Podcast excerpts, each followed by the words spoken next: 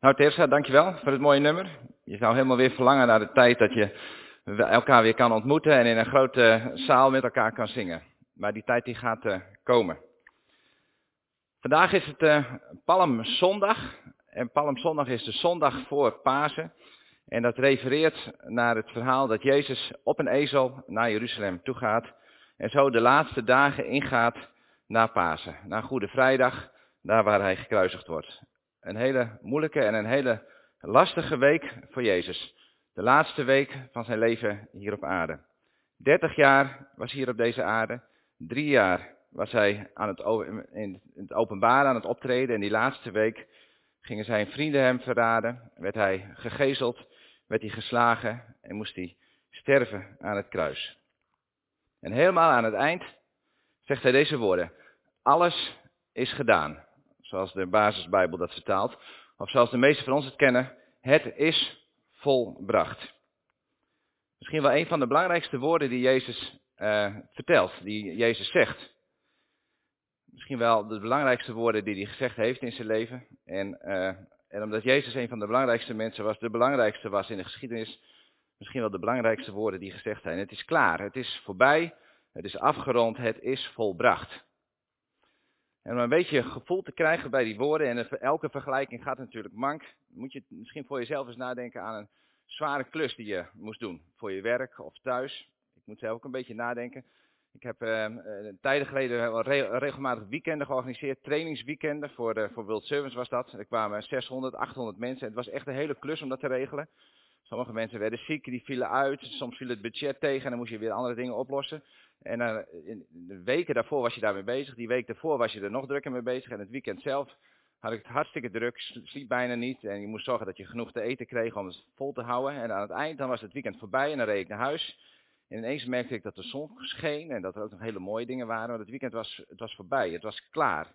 En misschien kun je dat voor jezelf ook een beetje uh, zien. Dat je, dat je daar die ervaring mee hebt. Dat je, het is klaar. Het is afgerond. Nou, voor Jezus moet dat nog vele malen anders zijn geweest, nog veel, veel dieper zijn geweest na al die jaren dat hij hier op deze aarde was, dat hij zegt het is voorbij, het is klaar, de klus is geklaard. Mission completed. Want Jezus was met een missie hier op aarde en dat wist hij ook. Als we lezen in Johannes 17, vers 3 en 4, dat is een, een vlak voordat Jezus gekruisigd wordt, dan heeft hij het over zijn missie. Hij is zich bewust van zijn taak die hij heeft. In Johannes 17, vers 4 staat, ik heb op aarde laten zien. En bidt Jezus tot God de Vader. Het is een gesprek, een heel intiem gesprek tussen Jezus en de Vader. Dan zegt hij, ik heb op aarde laten zien hoe machtig u bent, God. Zo heb ik de taak gedaan die u mij had gegeven. Jezus was zich bewust van zijn taak op deze aarde. En aan het eind van Goede Vrijdag, vlak voor hij stierf, zegt hij, het is gedaan, het is volbracht. En daarmee had hij de taak die hij van God gekregen had, was volbracht. En alle profetieën die over hem uitgesproken waren, die waren vervuld. Het was klaar. Het is afgerond. En dan is een hele interessante vraag om na te denken, welke missie was dat dan? Wat was nou die missie van Jezus? Waarom kwam die nou op deze aarde? Nou, ik denk dat de meesten van ons dat makkelijk uit hun mouw kunnen schudden. Hij is gekomen om te sterven voor onze zonde. Of hij is gekomen om de relatie te herstellen tussen God en de mens. En dat dacht ik ook, dat schrijf ik zomaar op. En toch ging ik daar ook verder over nadenken. En ik dacht, het zijn ook wel weer hele voor de hand liggende antwoorden. Misschien wel hele makkelijke antwoorden om te geven, omdat je weet van dat is het goede antwoord. En ik dacht, ik wil daar verder over nadenken. Ik wil dat die woorden weer nieuwe betekenis gaan krijgen voor mij. Ik wil daar weer andere woorden aan geven. Ik wil dat die inhoud niet meer zo vlak is, omdat ik het zo kan oplepelen, maar dat het weer een diepere inhoud gaat krijgen. En daar ben ik mee aan het stoeien geweest. Maar wat is er nou anders voor Goede Vrijdag dan na Goede Vrijdag? Waarom was die missie compleet? Die missie vervuld? En toen kwam ik uit bij, uh, je kan op heel veel plekken uitkomen en iemand anders zou de preek denk ik weer anders gaan houden. Maar toen kwam ik uit bij de Gelatenbrief. Bij de brief van Paulus die aan Gelaten schrijft. Een groep Joden die tot geloof zijn gekomen, die Christus zijn geworden. En die weer terug zijn gevallen eigenlijk vanuit de vrijheid die ze in Christus hadden naar een stuk gebondenheid. En je zou de hele gelaten brief moeten lezen. Dat is een beetje flauw om dat te zeggen, maar dat helpt wel als je de hele context wil snappen. Ik wil een klein stukje met jullie lezen uit gelaten 4. Um, dat ga ik met jullie voorlezen. En daarna ook een stukje uit de Romeinenbrief. Om duidelijk te maken wat het verschil is voor Goede Vrijdag en na Goede Vrijdag. Ik begin bij Galaten 4, vers 1. Ik bedoel dit. Zolang een erfgenaam onmondig is, verschilt hij in niets van een slaaf.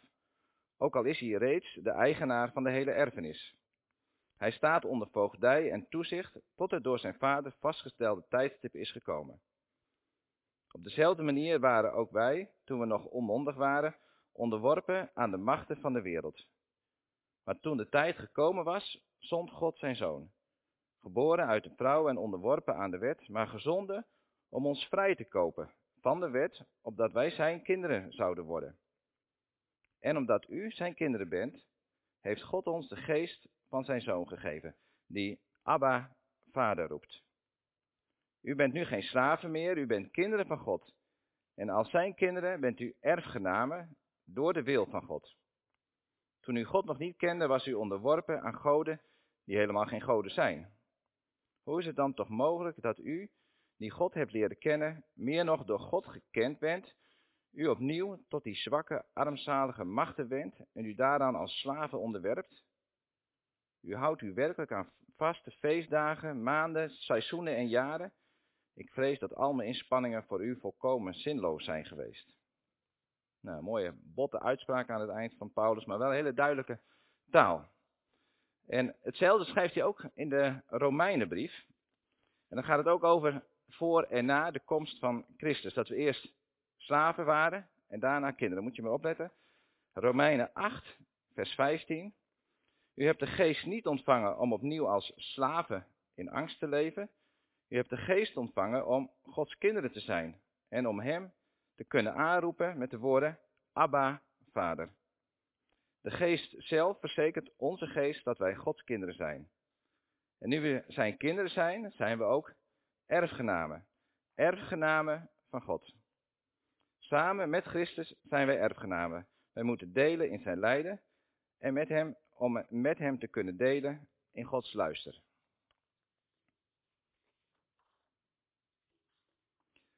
Wat Paulus hier zegt in Galaten en in de Romeinenbrief, is dat door de komst van Christus onze positie veranderd is. Je zou kunnen zeggen, door Goede Vrijdag waren wij eerst slaven, voor Goede Vrijdag waren wij eerst slaven. En na Goede Vrijdag zijn we kinderen geworden, zijn we zonen en dochters van God geworden. En als Jezus zegt, zijn laatste woorden aan het kruis, als hij zegt, alles is volbracht, dan, heeft, dan zegt hij in feite, de tijd van slaaf zijn is voorbij en de tijd van zoonschap, van dochterschap, van kinder zijn is gekomen. En ik geef je de geest, waardoor je kunt zeggen, Abba, Vader. Misschien is dat wel het grote geheim van Goede Vrijdag, het grote geheim als Jezus zegt, het is volbracht, alles is gedaan. We waren eerst slaaf. Nou, wat is een slaaf? En bij slaaf moet ik altijd eerst even denken aan het Bijbelverhaal, aan het Oude Testament, waar het volk Israël in Egypte is. En waar ze onder het juk van de farao keihard moeten werken. Stenen bakken in de warme zon. Helemaal geen vrijheid. De farao die verplichtte hen wat ze moesten gaan doen. Er hadden ze geen eigen vrijheid meer in. Gebukt onder de farao waren ze aan het werk. Ze waren echte slaven. En de joden wisten ook precies wat dat was. De joden kenden dat zelf trouwens ook. Want als je een schuld had en je kon het niet afbetalen. Dan werd je een slaaf van degene bij wie je die schuld had. En dan moest je net zo hard werken en zo lang werken totdat die schuld afbetaald was. En was die schuld dan zo groot, dan had God daar ook in voorzien. Want één keer in de vijftig jaar was er een jubeljaar en werden alle schulden kwijtgescholden. En dan was je geen langer slaaf meer, maar dan was je weer vrije man. En een klein zijstraatje is het niet Jezus die ook gezegd heeft dat toen hij kwam dat het jubeljaar weer kwam. Dus dat de slaven inderdaad ook weer vrij kwamen. En Paulus zegt tegen deze mensen in de gelaten. Hij zegt, toen jullie onder de wet waren, toen waren jullie slaven. Jullie moesten je aan die wet houden en je wilde je aan die wet houden en het was nooit goed genoeg. En elke keer als je je ging afmeten aan die wet, dan wist je dat je schuldig was. Dan wist je dat je, dat je niet voldeed aan de verwachtingen van die wet. En ik denk dat als wij de wet naast ons zeggen, wij zijn geen Joden, maar als wij ons vergelijken met die wet, dan komen er niks beter af. En ook zonder die wet leggen we onszelf allerlei wetjes op. En worden we slaaf van die wetten die we onszelf opleggen. De wetten die we ons opleggen van er altijd maar bij willen horen en daar keihard voor werken om er steeds maar weer bij te moeten horen. Of de eisen die we onszelf opleggen, dat, het, dat we uh, het goed moeten doen en dat we het beter moeten doen en dat we het eigenlijk perfect moeten doen, waar we niet aan kunnen voldoen. Of soms zijn we ook echt verslaafd aan drugs, aan alcohol, aan onze mobiel, aan allerlei andere dingen waar we aan vastzitten, dat we geen eigen wil meer hebben, maar dat we dat wel allemaal moeten gaan doen. Verslaafd aan de anderen laten zien hoe goed we het voor elkaar hebben. En dat de andere ons dan wel tegen ons op gaat kijken. Verslaafd aan het aantal likes en vrienden dat we misschien op social media hebben, omdat we er meer willen hebben en meer willen hebben. Zo weten wij ook wat verslaving is. Dus dat degene die ons in het bezit heeft, die, die ons verplicht van buitenaf wat we uiteindelijk allemaal zouden moeten gaan doen. We willen voldoen aan de verwachtingen van onszelf of van mensen om ons heen of van systemen om ons heen. En als we dan op die manier als slaaf zijn en als slaaf bij God komen en we kijken van wat we ervan gemaakt hebben, dan kan het niet anders dan dat we tegen God zeggen, Heer, vergeef ons. Want we doen het niet goed. We hebben het niet goed gedaan. We hebben uw schepping verknald. Kijk om ons heen, kijk om je heen. En we hebben er een zootje van gemaakt met elkaar. We hebben het niet goed gedaan. Als we als slaaf bij God komen, is dat onze tekst. En dan zeggen we, Heer, wilt u ons vergeven? En gelukkig is het Goede Vrijdag. En is Jezus voor ons gestorven. En zegt God, ik vergeef je. Ik vergeef je wat je tekort bent gekomen. Ik vergeef je wat, je, wat allemaal niet gelukt is. Want Jezus geeft de schuld. En jij mag vrij uitgaan. En misschien kom je een dag later weer bij God en zeg het is weer niet gelukt. En een week later kom je weer bij God en het is niet gelukt. Want elke keer als we als slaaf bij God komen, dan kunnen we niet anders zeggen dan dat het niet gelukt is. Dan dat we gefaald hebben en dat we allemaal niet, dat we onze schuld nooit afbetaald hebben. En daarom was het Oude Testament ook steeds weer, moesten er weer lammetjes komen, moesten er weer duiven komen, moesten er weer allerlei andere dieren komen om geofferd te worden, omdat er voortdurend schuld was. En zo kunnen wij elke dag bij God komen als slaaf en zeggen het is ons niet gelukt. Heer, wilt u ons vergeven? En elke keer zegt God, ik vergeef je. Zullen we de schuld aan Jezus geven? En toch is dat ook niet het hele verhaal van Goede Vrijdag. Want we hoeven niet elke keer terug te komen. Ja, het is goed om met je schuld en schaamte bij God te komen. Maar Goede Vrijdag, toen Jezus zei het is volbracht, ging het net een stapje dieper. Want hij heeft ons vrijgekocht als slaaf. Wij hoeven niet langer slaaf te zijn. We hoeven niet langer als slaaf voor God te komen. En dat is wat Paulus ons vertelt in Galaten en wat er in de Romeinenbrief staat. Hij heeft ons vrijgekocht opdat we zoon zouden zijn, omdat we dochter zouden zijn, omdat we een kind van hem zouden zijn. We hoeven niet elke keer als slaaf bij God te komen. En steeds te zeggen, Heer, wilt u ons vergeven? We mogen als kinderen, als zonen en dochters bij hem komen. En toen moest ik denken aan het verhaal van de verloren zoon. Verhaal kennen we allemaal. En je kan ook zeggen de wachtende vader. En in dit verband zou ik hem eigenlijk de titel willen geven. De zoon die ontdekte dat hij zoon was. De kans groot dat je het verhaal kent. De jongste zoon die vraagt zijn erfenis op. En die weet dat hij recht heeft op een erfenis blijkbaar. Dus die gaat op pad. En die verkwist zijn, uh, zijn geld. Uh, en die doet allemaal uh, geweldige dingen of minder geweldige dingen. En hij komt bij die varkens uit. En dan komt hij tot inkeer. En dan gaat hij naar zijn vader terug. En dan, uh, die wordt met open armen ontvangen en zijn vader zegt, welkom thuis, wat fijn dat je er weer bent, we gaan feest vieren. Een groot feest is dat. En dan heb ik laatst gehoord dat er zijn oude MP4 bestanden van dat feestje gevonden in de grotten in Israël. En die staan nu op YouTube. En laten we even een klein stukje zien van dat feest, hoe dat eruit zag.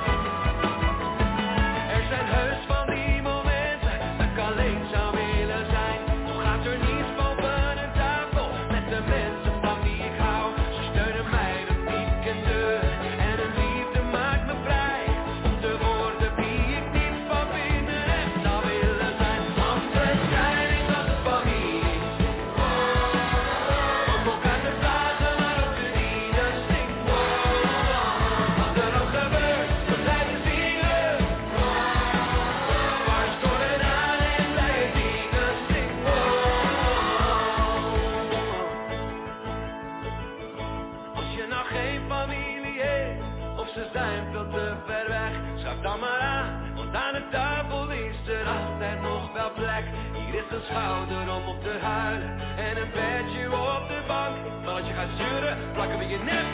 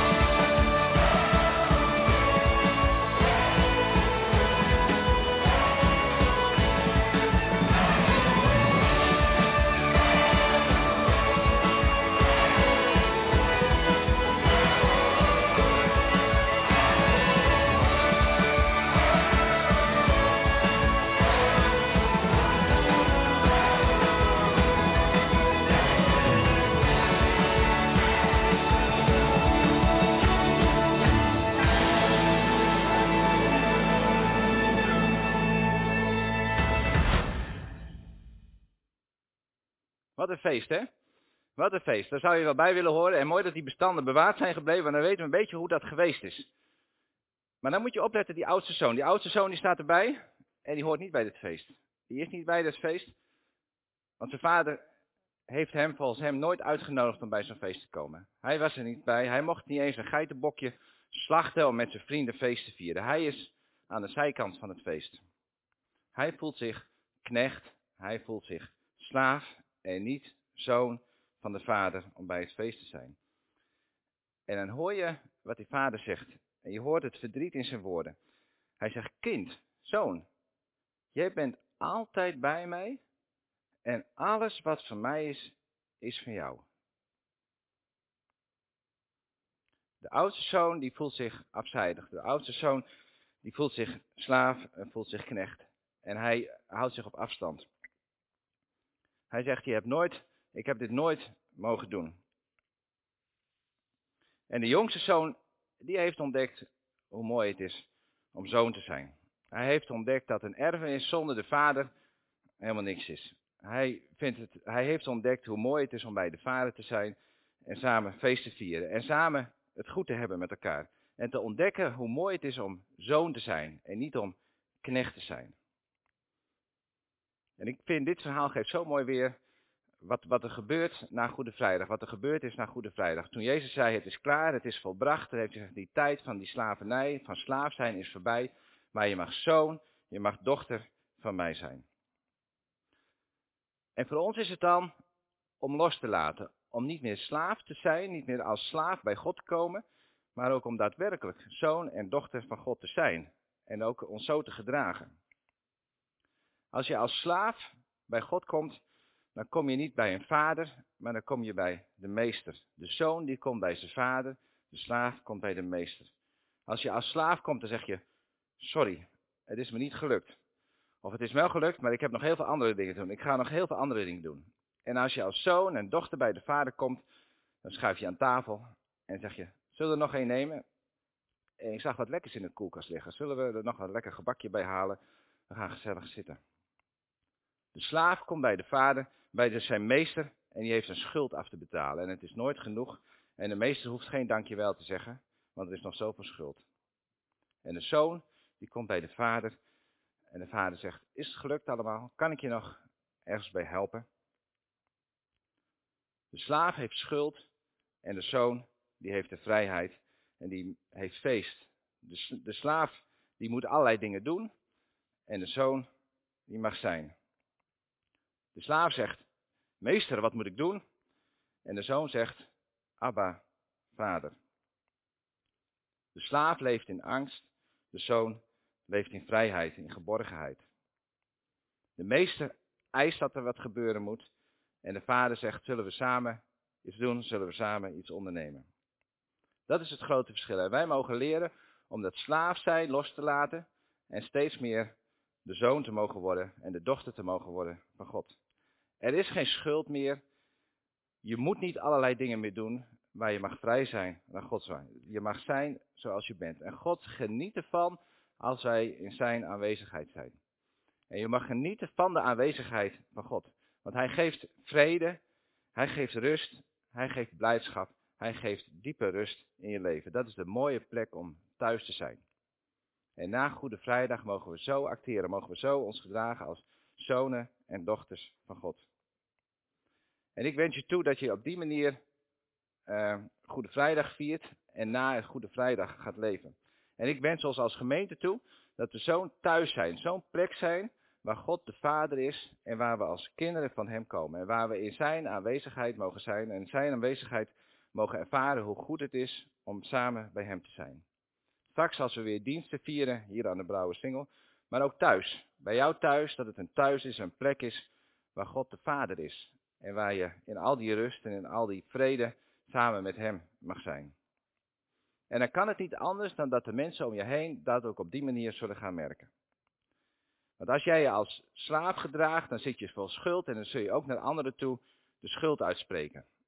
Misschien ken je dat verhaal, de gelijkenis. Er komt een man, die komt bij de koning uh, en hij is wel, misschien wel een miljoen euro schuldig. En die koning die scheldt hem dat kwijt. En dan gaat die man naar buiten toe en dan komt hij iemand anders tegen en die is hem nog twee tientjes schuldig. En die eist die twee tientjes op. Hij is nog steeds een slaaf, hij leeft nog steeds in termen van schuld. Maar als we zoon en dochter zijn, dan wordt het anders. Dan lijkt het meer op het verhaal van Zacchaeus. Die begint met schuld. Hij heeft nog heel veel mensen, van heel veel mensen moet hij geld ontvangen. Maar als hij dan bij Jezus aan tafel schuift, dan wordt het helemaal anders. Dan heeft hij niet meer over schuld, maar dan heeft hij over uitdelen. Dan heeft hij het over vrede die hij mag uitdelen aan mensen om hem heen. En zo hoop ik dat we de Leidersweek ingaan. Jezus heeft onze schuld gedragen. Hij heeft pijn gehad en hij heeft een zware strijd gehad. En aan het eind zegt hij, het is klaar, het is voorbij, uh, alles is gedaan, het is volbracht. En daarmee nodigt hij ons uit om bij God de Vader thuis te komen. Als zonen en dochters van hem. Bij hem, bij thuis aan tafel te schuiven en te genieten van het leven wat de Vader ons geeft. En door de geest wil hij ons uh, leren zeggen, Abba, Vader. En mogen genieten van zijn omgeving. Misschien goed voor jezelf om na te denken van, waar ben ik slaaf? In welke tijden of uh, op wat voor momenten in mijn leven ben ik nog slaaf en mag dat veranderen in het zoon en in het dochter zijn? Op wat voor momenten in mijn leven ben ik nog zo keihard aan het werk om het allemaal voor God goed te doen? Om het voor anderen goed te doen, maar ook voor God goed te doen. Heer, moet dus kijken wat we allemaal voor u gedaan hebben. En mogen leren om gewoon te zijn bij God. En het is goed. Het is goed zoals je bent. Zullen we met elkaar bidden? Vader, willen u bedanken. En we zeggen zo makkelijk, Vader. Heer, en zo makkelijk uh, leven we voort in allerlei dingen die we moeten doen voor u, omdat we zo daarin zo opgegroeid zijn.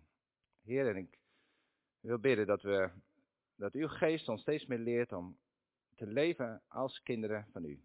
Als zonen en dochters van u, die ook erfgenamen zijn, want u heeft ons zoveel te geven. Heer, het is zo mooi om bij u te zijn. Ehm, zoals u ook tegen die oudste zoon zegt in het verhaal. Al het mijne is van jou. En we mogen bij u zijn. Heer, en ik bid dat we ja, dat steeds meer mogen ervaren. Steeds meer mogen leren. En steeds meer mogen um, ja, uit mogen leven ook naar mensen om ons heen. Dank u wel voor uw woord. Dank u wel voor Paulus die deze dingen opschrijft. Dank u wel voor mensen om ons heen die ons daar steeds weer op wijzen. Heer, en ik uh, dank u. En als we zo deze Leidersweek ingaan, Heer, dan, uh, Heer Jezus, dan willen we u bedanken dat u die weggegaan bent. Dat u niet halverwege gestopt bent, maar dat u uit liefde hier bent gekomen naar deze wereld. Dat u de schande geacht hebt, dat u ja, mensen op u afgegeven hebben, u hebt laten slaan, gegezeld bent, dat u aan het kruis bent gestorven voor ons. Heer, opdat we niet langer meer slaven zijn, maar kinderen van u. Heer, dank u wel dat de Vader u zo verhoogd heeft ook. En dat u nu aan de rechterzijde zit van de troon. En dat u alle eer en alle glorie krijgt van, uh, van de Vader. En we willen u ook danken en eren voor wie u bent. Voor wat u gedaan hebt. In Jezus' naam. Amen. Mocht je nou een samenvatting van deze preek willen hebben, dan uh, moet je even in de mannen-app kijken en straks ook even in de vrouwen-app. Want uh, er staat een mooie samenvatting wat ons weer herinnert aan wat ik net gezegd heb. We gaan luisteren naar het lied.